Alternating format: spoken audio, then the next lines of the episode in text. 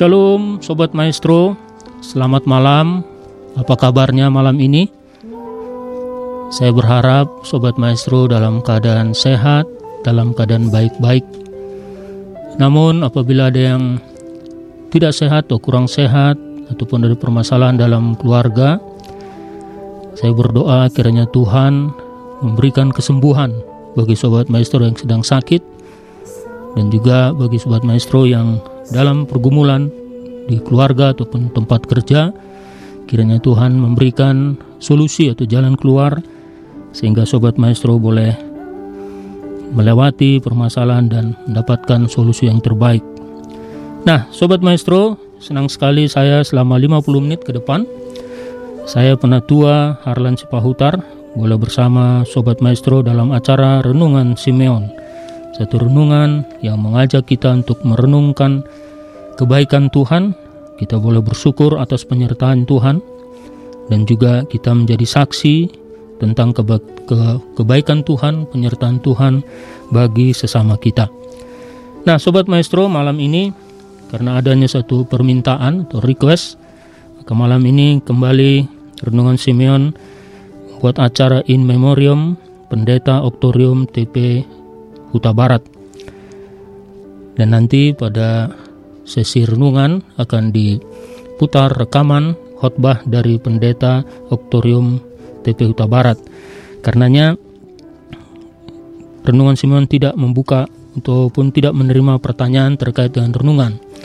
Tetapi kita tetap melayankan apabila ada sobat maestro yang meminta ataupun mohon dukungan doa, silahkan hubungi kami di 0813 4165 8319 0813 4165 8319 Silahkan Sobat Maestro menyampaikan melalui WA dan nanti penatua Natalina si Natalina si Haloho akan menerima WA dari Sobat Maestro.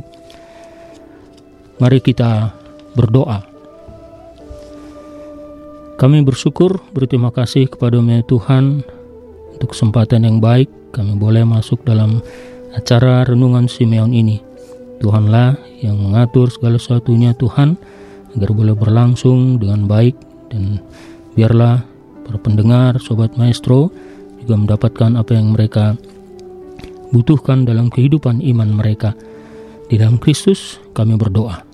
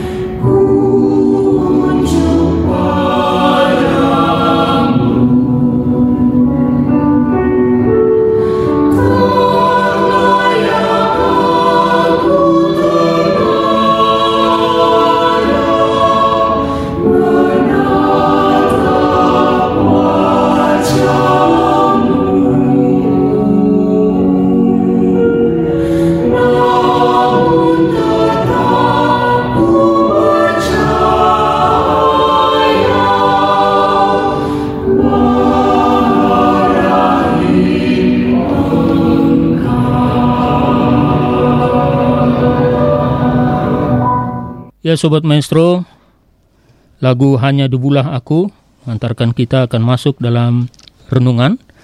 Dan renungan ini didasarkan pada firman Tuhan Mazmur 90 ayat 1 sampai 12 dan topiknya Ajarilah kami menghitung hari-hari kami. Nanti kita akan putarkan rekaman khotbah dari pendeta Oktorium TP Huta Barat. Namun sebelumnya firman Tuhan akan dibacakan oleh penatua Natalina Sialoho. Mazmur 90 ayat 1 sampai 12 Allah tempat perlindungan yang kekal. Doa Musa abdi Allah, Tuhan engkaulah tempat perteduhan kami turun-temurun. Sebelum gunung-gunung dilahirkan, dan bumi dan dunia diperanakan, bahkan dari selama-lamanya sampai selama-lamanya, engkaulah Allah. Engkau mengembalikan manusia kepada debu, dan berkata, Kembalilah hai anak-anak manusia. Sebab di matamu seribu tahun sama seperti kemarin, apabila berlalu atau seperti suatu giliran jaga di waktu malam. Engkau menghanyutkan manusia, mereka seperti mimpi, seperti rumput yang bertumbuh.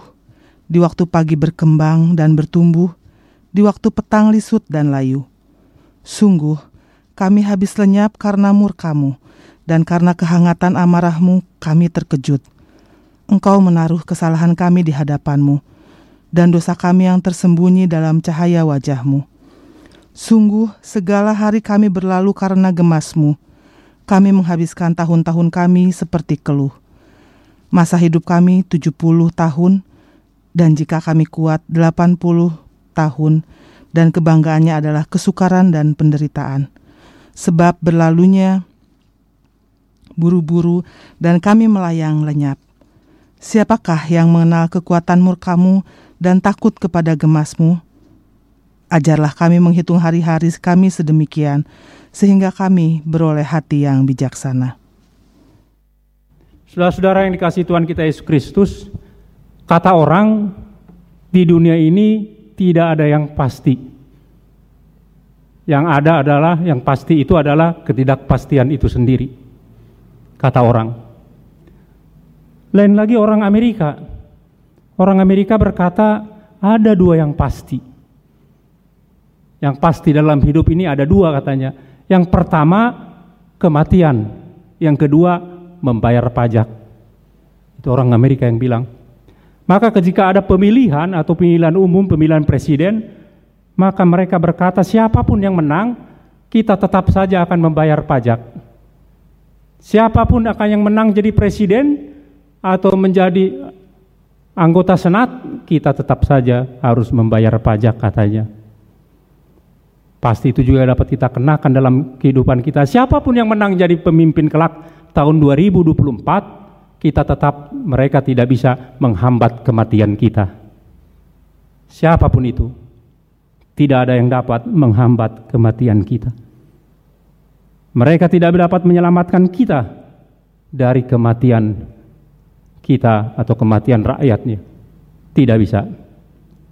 Saudara ketika Musa mendaki gunung Nebo dan melihat pemandangan ke tanah Kanaan yang di depannya, maka dia mungkin mengingat hal-hal yang terjadi setelah dilewati.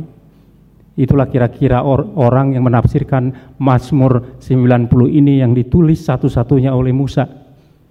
Di akhir perjalanan hidupnya, dia melihat tanah Kanaan yang begitu indah dan subur tetapi dia tidak bisa memasuki tanah Kanaan itu karena dosanya. Karena dia harus mati di gunung itu dan dia harus tidak mengikuti lagi bangsa itu memimpin lagi. Saudara kita dapat pelajari ada dua hal di dalam teks kita hari ini. Yang pertama bahwa kita ini hanyalah debu. Yang kedua Tuhan adalah kekal.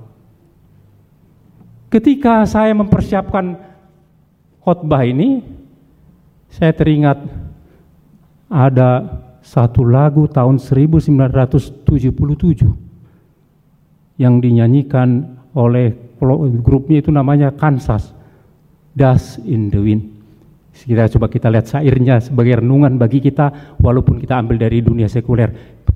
Saya persilakan ke tim IT untuk menayangkan cuplikan atau klipnya. Silakan.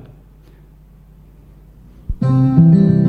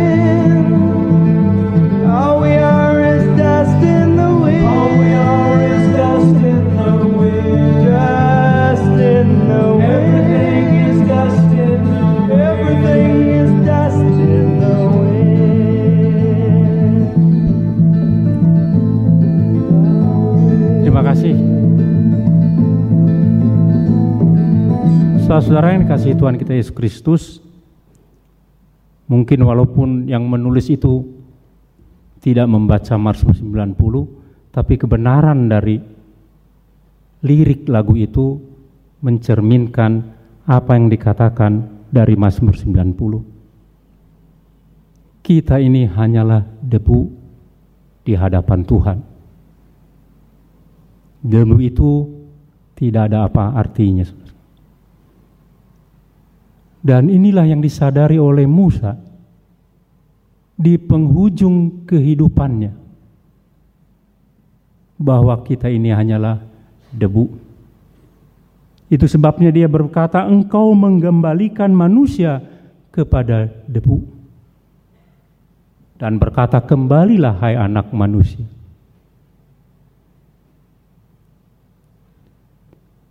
Saudara, ketika Allah menyatakan hukumnya kepada Adam di kejadian 3 ayat 19 dia berkata demikian dengan peluh engkau akan mencari makananmu sampai engkau kembali lagi menjadi tanah. Karena dari situlah engkau diambil sebab engkau debu dan engkau akan kembali menjadi debu. Dan Raja Salomo berkata di pengkhotbah 12 ayat 7 debu kembali menjadi tanah seperti semula kita ini. Kita ini tidak ada apa-apanya. Jika cairan tubuh kita disedot habis, maka dengan sebentar tubuh kita akan menjadi debu tanah. Kata pemazmur lagi, kata Musa lagi, masa hidup kami 70 tahun dan jika kami kuat 80 tahun. Menurut Kementerian Kesehatan tahun 2019 rata-rata warga negara Indonesia ini mempunyai harapan hidup 71,4 tahun.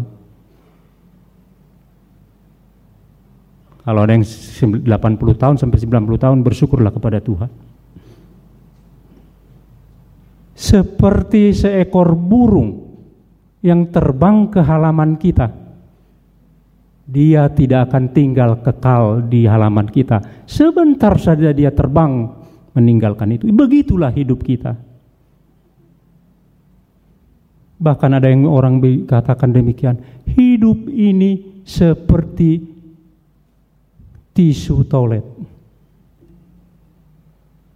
Semakin mendekati habis, maka putarannya akan semakin cepat. Kalau kita masih anak-anak, kita merasa tidak cepat putarannya ini. Tapi kalau saudara seumur dengan saya, maka akan melihat putaran hidup ini begitu cepat. Seperti tisu toilet hidup kita ini kata orang. Sebentar kelihatan, sebentar lagi tidak kelihatan.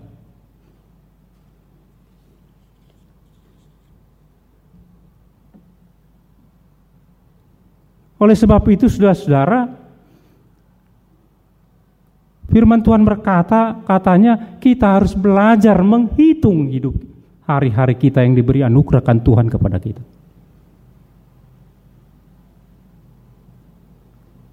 Karena hari-hari kita ini, hidup kita ini seperti rumput. Sebentar segar, sebentar lagi kering, dan menghilang begitu saja di tiup angin. Bah, yang sayangnya atau bahayanya saudara-saudara, kita sering tidak mengingat bahwa hidup kita ini kan berakhir.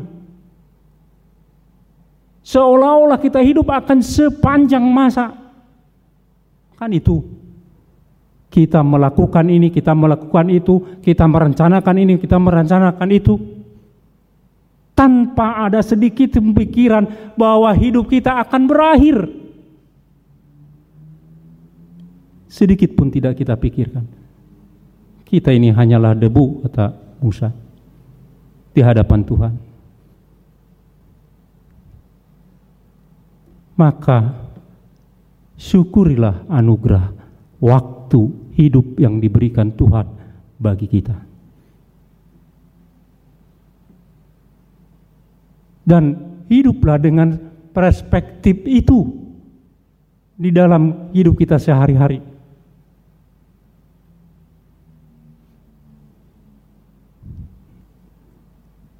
Bagaimana caranya kita hidup dengan perspektif itu? Artinya saudara kita sadar satu waktu bahwa kita akan menghilang, akan mati. Dan orang tidak selama-lama tidak mengingat kita.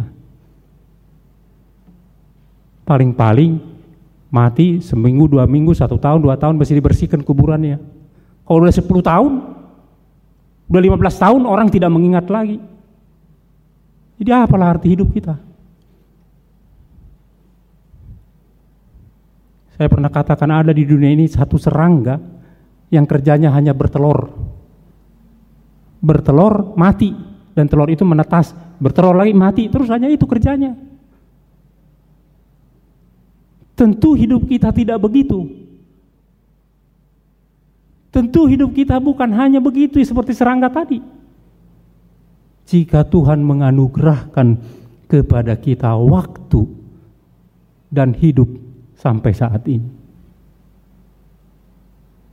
Bahkan dikatakan Musa, hidup kami ini engkau menghanyutkan.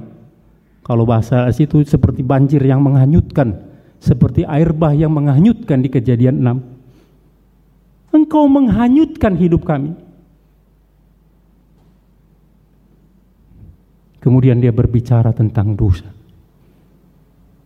Ternyata kematian itu datang setelah ada dosa. Orang berkata katanya kematian adalah bagian hidup. Tidak sebetulnya. Karena sebelum jatuh ke dosa, kehidupan sudah ada. Tetapi dosa yang membuat jadi kematian.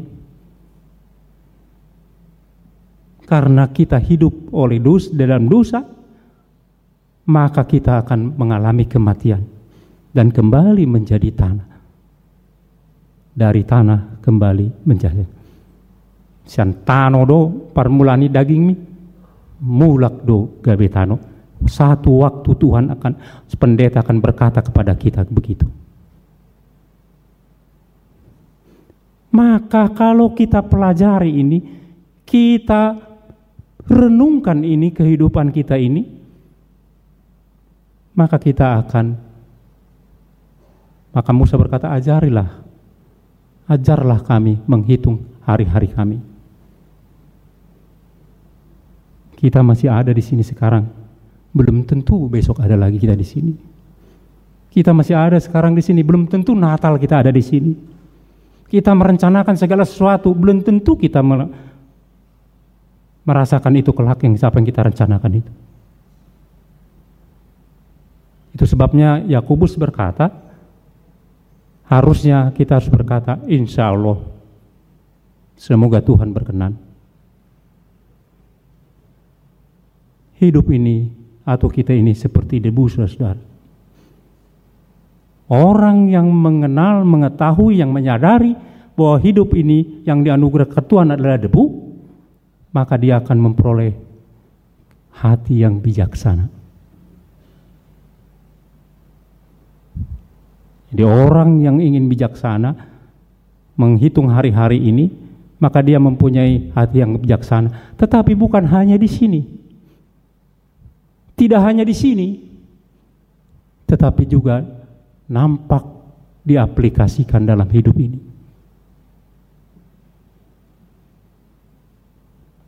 Saudara-saudara, saya ingin sedikit renungkan seberapa banyak waktu kita gunakan, seberapa banyak uang kita gunakan, seberapa banyak semua pikiran kita gunakan untuk mendidik anak-anak kita. Apa yang kita didik kepada anak-anak kita? untuk menjadi begini, untuk menjadi begitu, untuk menjadi ini, nanti kau udah kaya begini, begini, begini. Tapi dia tidak pernah kita didik tentang ke mana kelak dia hidup dalam kekekalan. Kan kita sering berkata, apa yang kita akan rencanakan begini, gereja kita harus begini, kita hidup kita harus begini, begini. Tetapi kita tidak pernah merencanakan nanti kelak setelah saya mati, di mana saya menghabiskan waktu dalam kekekalan. Di surga kah? Di neraka kah? Tak terpikirkan bagi kita itu. Jarang kita pikirkan itu. Kita hanya memikirkan semua yang sementara yang tidak kekal itu. Mendidik anak juga kita mendidik yang tidak kekal itu. Doa-doa kita juga doa-doa permohonan yang tidak kekal lagi. Pernahkah saudara berdoa untuk Tuhan memberikan iman yang semakin kuat, beri kesempatan untuk belajar tentang firman Tuhan sehingga engkau kelak sampai di kekekalan waktu kita di situ. Ataukah permohonan kita berkati supaya dapat rumah, berkati supaya dapat ber, berdapat mobil, berkati supaya dapat duit banyak-banyak, berkati Tuhan supaya anak saya menjadi tinggi-tinggi banyak duitnya, berkati semua. Tetapi apa di mana kita kelak ke dalam kekekalan ini? Kan itu persoalannya sekarang. Paling banter 80 tahun. Paling banter. Saya tidak tahu berapa tahun.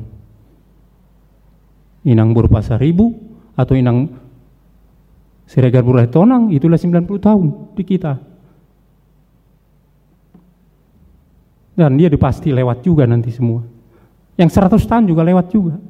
Dan lebih banyak kita menghabiskan waktu di dalam kekekalan. Kalau kita bijaksana, kalau kita berhikmat dengan telah menghitung hari-hari kita, maka kita akan mengenal hanya Tuhan yang kekal. Dari semula sampai selama-lamanya, dialah yang kekal, tidak ada yang lain. maka kita akan bersandar kepada Dia. Jadi akibat pengenalan kita dari menghitung hari-hari kita di dunia ini, akibat dari kita mencoba lihat melihat apa yang terjadi dalam dunia hidup kita ini dan hidup orang-orang di dunia ini, seperti saya katakan dulu, pernah saya beberapa kali saya katakan, dulu saya merencanakan mati karena sakit. Matilah saya sebentar lagi. Dan anak saya laki-laki itu saya ya saya manja-manja lah mumpung masih hidup saya. Tapi jadi dia yang mati. Itulah otak manusia. Dia yang duluan. Ternyata sakit yang saya idap ini terus saya bawa-bawa sampai umur segini. Dia sebentar saja lewat. Jika kita mempelajari ini semua, maka yang pertama kita akan menghargai waktu yang diberikan Tuhan. Coba kalkulasi waktu yang diberikan Tuhan kepada kita yang kita lakukan. Berapa jam sehari kita menonton TV? Berapa jam sehari kita buka HP kita? Berapa jam kita sehari berdoa? Berapa jam sehari kita membuka Alkitab membaca firman Tuhan? Berapa jam sehari kita mempraktikkan apa yang dikatakan Tuhan kepada kita? Maka kita akan tercengang ternyata banyak waktu yang kita buang menonton TV, membuka HP, melihat sana, melihat sana, mengobrol sampai sana sini, berbicara dengan orang tentang hal-hal yang belum tentu kita miliki, tetapi yang kita miliki adalah mati dan hidup dalam kekekalan. Tidak pernah kita bahas dengan serius. Tidak kita pernah kita persiapkan diri kita untuk itu.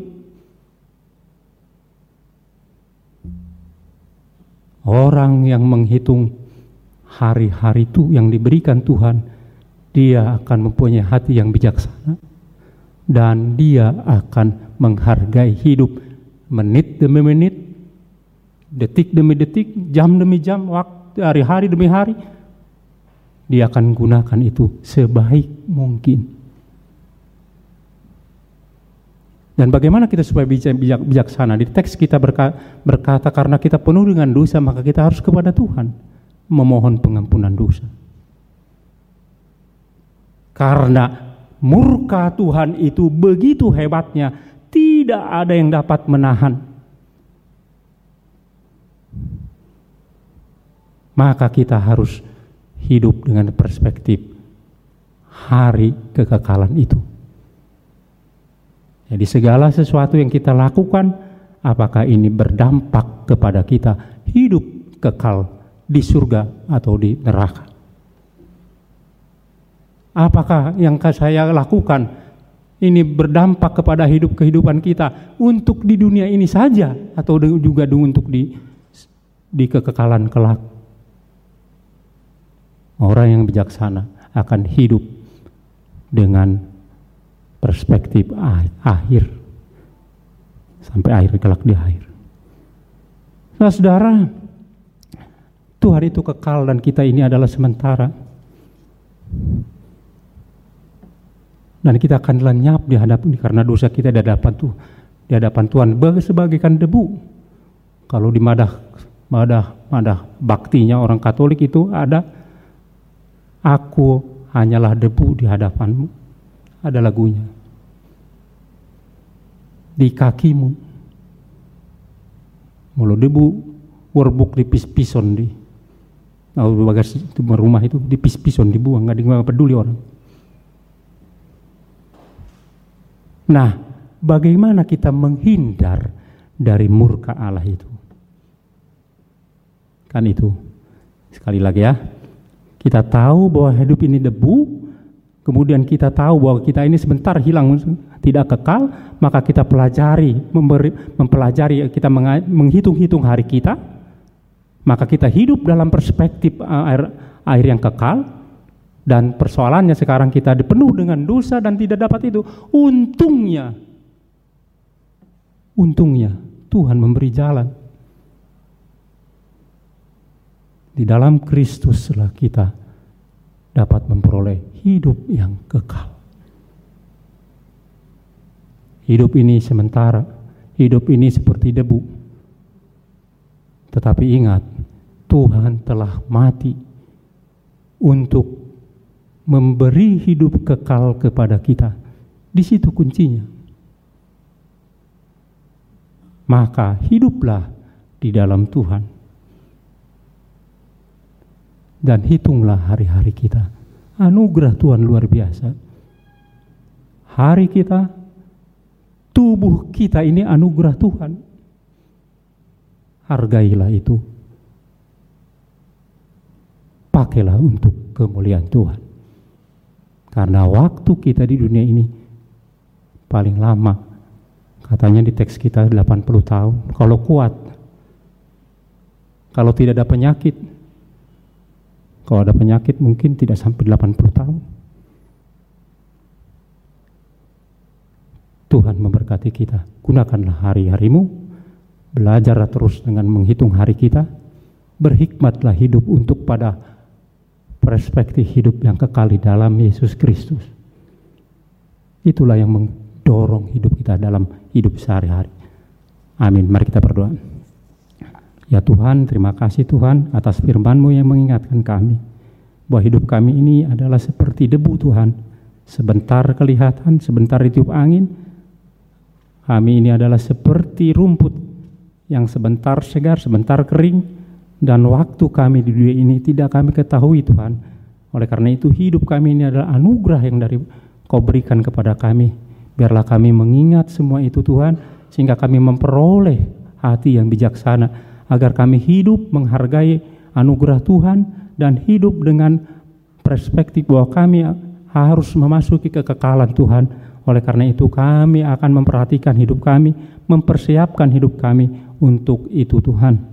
Terima kasih Tuhan karena Kau memberi anakmu Tuhan Yesus Kristus sehingga kami yang berdosa yang harusnya lenyap seperti debu tetapi dapat memperoleh kekekalan karena anakmu Yesus Kristus yang mati untuk menebus kami. Terima kasih Tuhan, di dalam Kristus kami berdoa. Amin.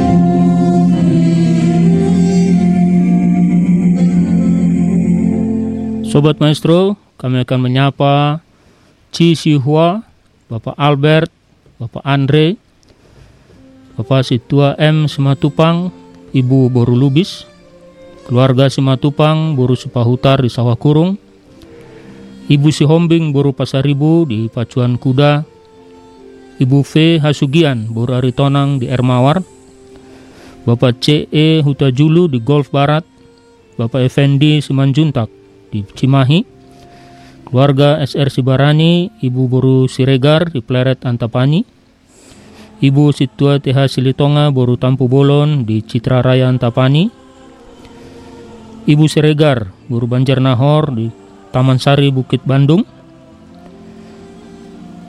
kemudian Ibu Sitompul Boru Nenggolan di Cigadung Selatan, keluarga Sibarani Boru Manulang di Cigadung, Ibu Penatua Nyonya Pangaribuan Boru Aruan Sekoloa, Inang Gultom Boru Sitompul, Lingling Jemaat Gereja Baptis, keluarga Penatua BE Silalahi Ibu Boru Sihombing, Jemaat HKBP Sukatani Resort Paulus Depok juga parhaladonya, kemudian keluarga PL Tobing Boru Sitompul, Billy Yuanda, kemudian keluarga Napitupulu Boru Sidabutar, dan juga Ibu Nyonya Napitupulu Boru Simanjuntak. Kami juga menyapa keluarga Nenggolan Boru Sipayung. Kami juga menyapa Naposo Endago. Juga kepada teman-teman Parhalado ataupun penatua HKBP Bandung Reformanda. Kiranya Tuhan selalu menyertai Sobat Maestro di dalam kehidupan yang masih diberikan oleh Tuhan. Kita akan masuk dalam doa syafaat. Kami berikan waktu kepada penatua Natalina Sihaloho. Sobat Maestro, mari kita bersatu dalam doa. Allah Bapa yang bertahta dalam kerajaan surga, sungguh kami bersyukur Tuhan kalau pada malam hari ini kami boleh berada di tempat ini mengingat kebaikan Tuhan. Begitu pula mengingat kebaikan yang Tuhan telah berikan melalui Amang Pendeta Oktorium Togar Pangyohotan Huta Barat. Terima kasih Tuhan untuk semua yang boleh terjadi dalam kehidupan kami melalui firman Tuhan yang telah disampaikan. Bapak kami juga mau berdoa pada saat ini untuk Radio Maestro ya Tuhan. Terima kasih Tuhan telah menyediakan alat untuk menyiarkan berita, menyampaikan berita sukacita bagi penduduk kota Bandung melalui Radio Maestro. Berkati pimpinan radio ini ya Tuhan, para staf, operator, serta seluruh pekerjanya. Tuhan yang selalu memberkati mereka dan mencukupkan mereka. Mereka ada dalam pemeliharaan Tuhan sehingga mereka boleh bekerja di radio ini dengan penuh sukacita yang daripada Tuhan. Kami juga mau berdoa Tuhan untuk persekutuan Inahana dan lansia di HKBP Bandung Reformanda. Tuhan berkati mereka dalam usia tua mereka, dalam kesendirian mereka, Tuhan yang ada selalu bersama-sama dengan mereka, memberkati mereka dan menjaga mereka ya Tuhan. Hindarkan mereka dari segala rancangan kecelakaan, sehingga mereka boleh hidup ya Tuhan dalam lindungan Tuhan. Pada saat ini juga Tuhan, kami mau berdoa untuk keluarga Ibu Pendeta Roida Borusi Tumorang dan Hadasa Huta Barat.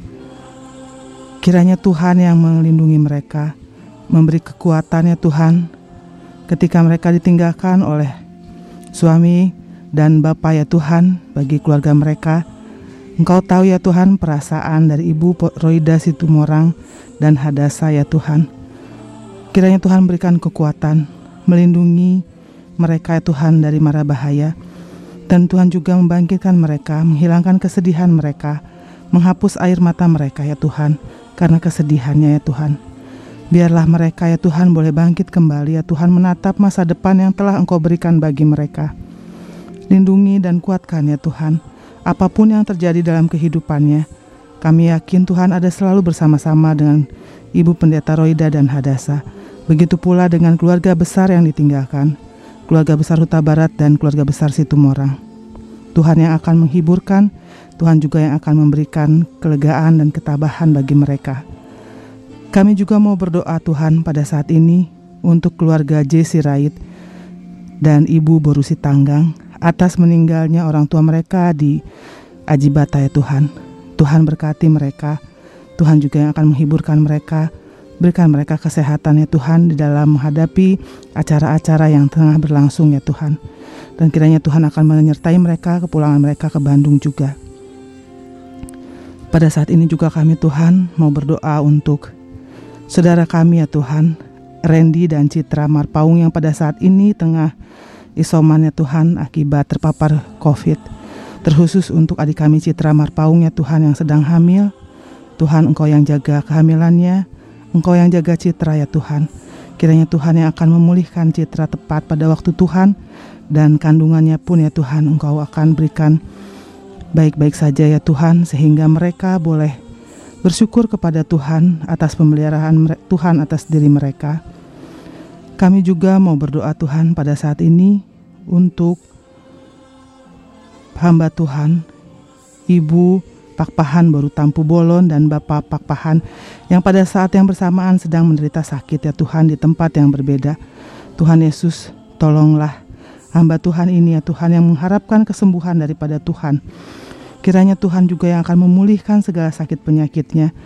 Dan Tuhan izinkan kembali mereka berkumpul ya Tuhan. Kiranya Tuhan senantiasa melindungi Ibu Pakpahan dan Bapak Pakpahan dan mereka juga boleh mendapatkan kasih Tuhan melalui orang-orang yang menolong mereka. Kami juga mau berdoa untuk Ibu Panjaitan dan Bapak M. Tambun. Kiranya Tuhan memberikan juga kesehatan bagi mereka ya Tuhan. Kami juga mau berdoa untuk Ibu Ci Siuhua. Tuhan yang akan memberikan mereka kesehatan beserta dengan seluruh keluarganya. Tuhan yang akan berikan kesehatan di masa tua mereka ya Tuhan. Tak lupa kami juga mau berdoa buat Opung Morgandoli si Tanggang yang sedang sakit di Medan. Tuhan, kami mohon pertolongan Tuhan untuk Opung Morgan. Berikanlah kesembuhan ya Tuhan dan berikanlah keluarga juga di dalam merawat Opung Morgan dengan penuh ketabahan.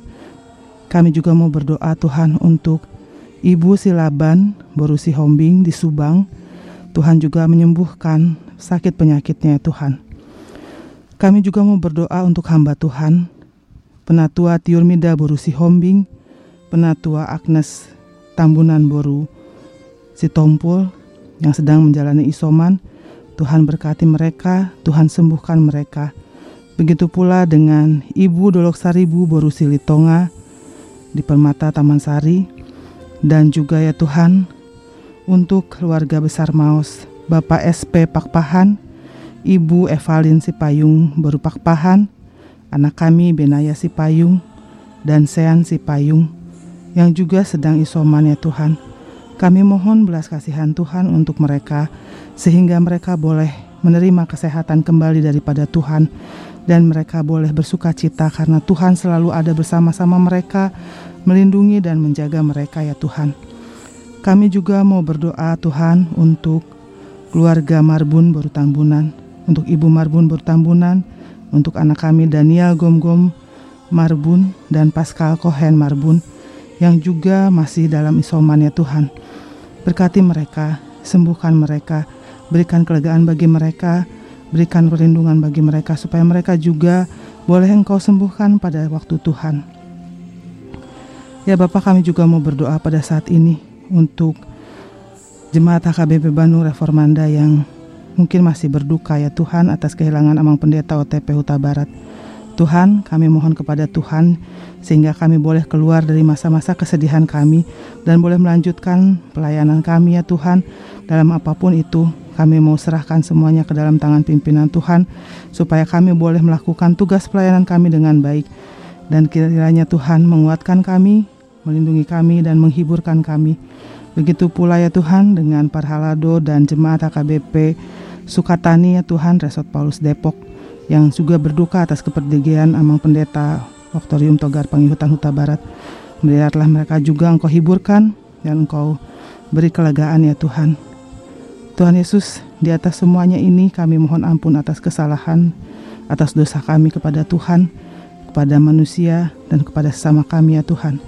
Kiranya Tuhan mengampuni segala dosa dan pelanggaran kami sehingga kami layak di hadapan Tuhan. Terima kasih ya Tuhan untuk kami boleh menaikkan doa-doa kami ke dalam tangan Tuhan dan biarlah pada saatnya yang baik Tuhan akan menggenapi akan menjawab segala doa doa kami. Terima kasih ya Allah di dalam nama Tuhan Yesus Kristus kami berdoa dan mengucap syukur. Amin. Sobat Maestro, tiba waktunya kami akan undur undur diri. Mari kita bersyukur dan mari kita bersaksi. Di minggu depan 6 April kita akan jumpa lagi untuk waktu yang sama. Pada saat ini juga untuk Jemaat HKBP Bandung Reformanda, kami mengingatkan besok Jumat 1 April pukul 19 ada kebaktian keluarga gabungan dilaksanakan di gereja. Dan hari Minggu 3 April ada kebaktian sore pukul 17 dalam bahasa Indonesia. Kami mengundang semua jemaat untuk boleh menghadiri kedua kebaktian tersebut. Baiklah, Tuhan kiranya memberkati kita. Shalom.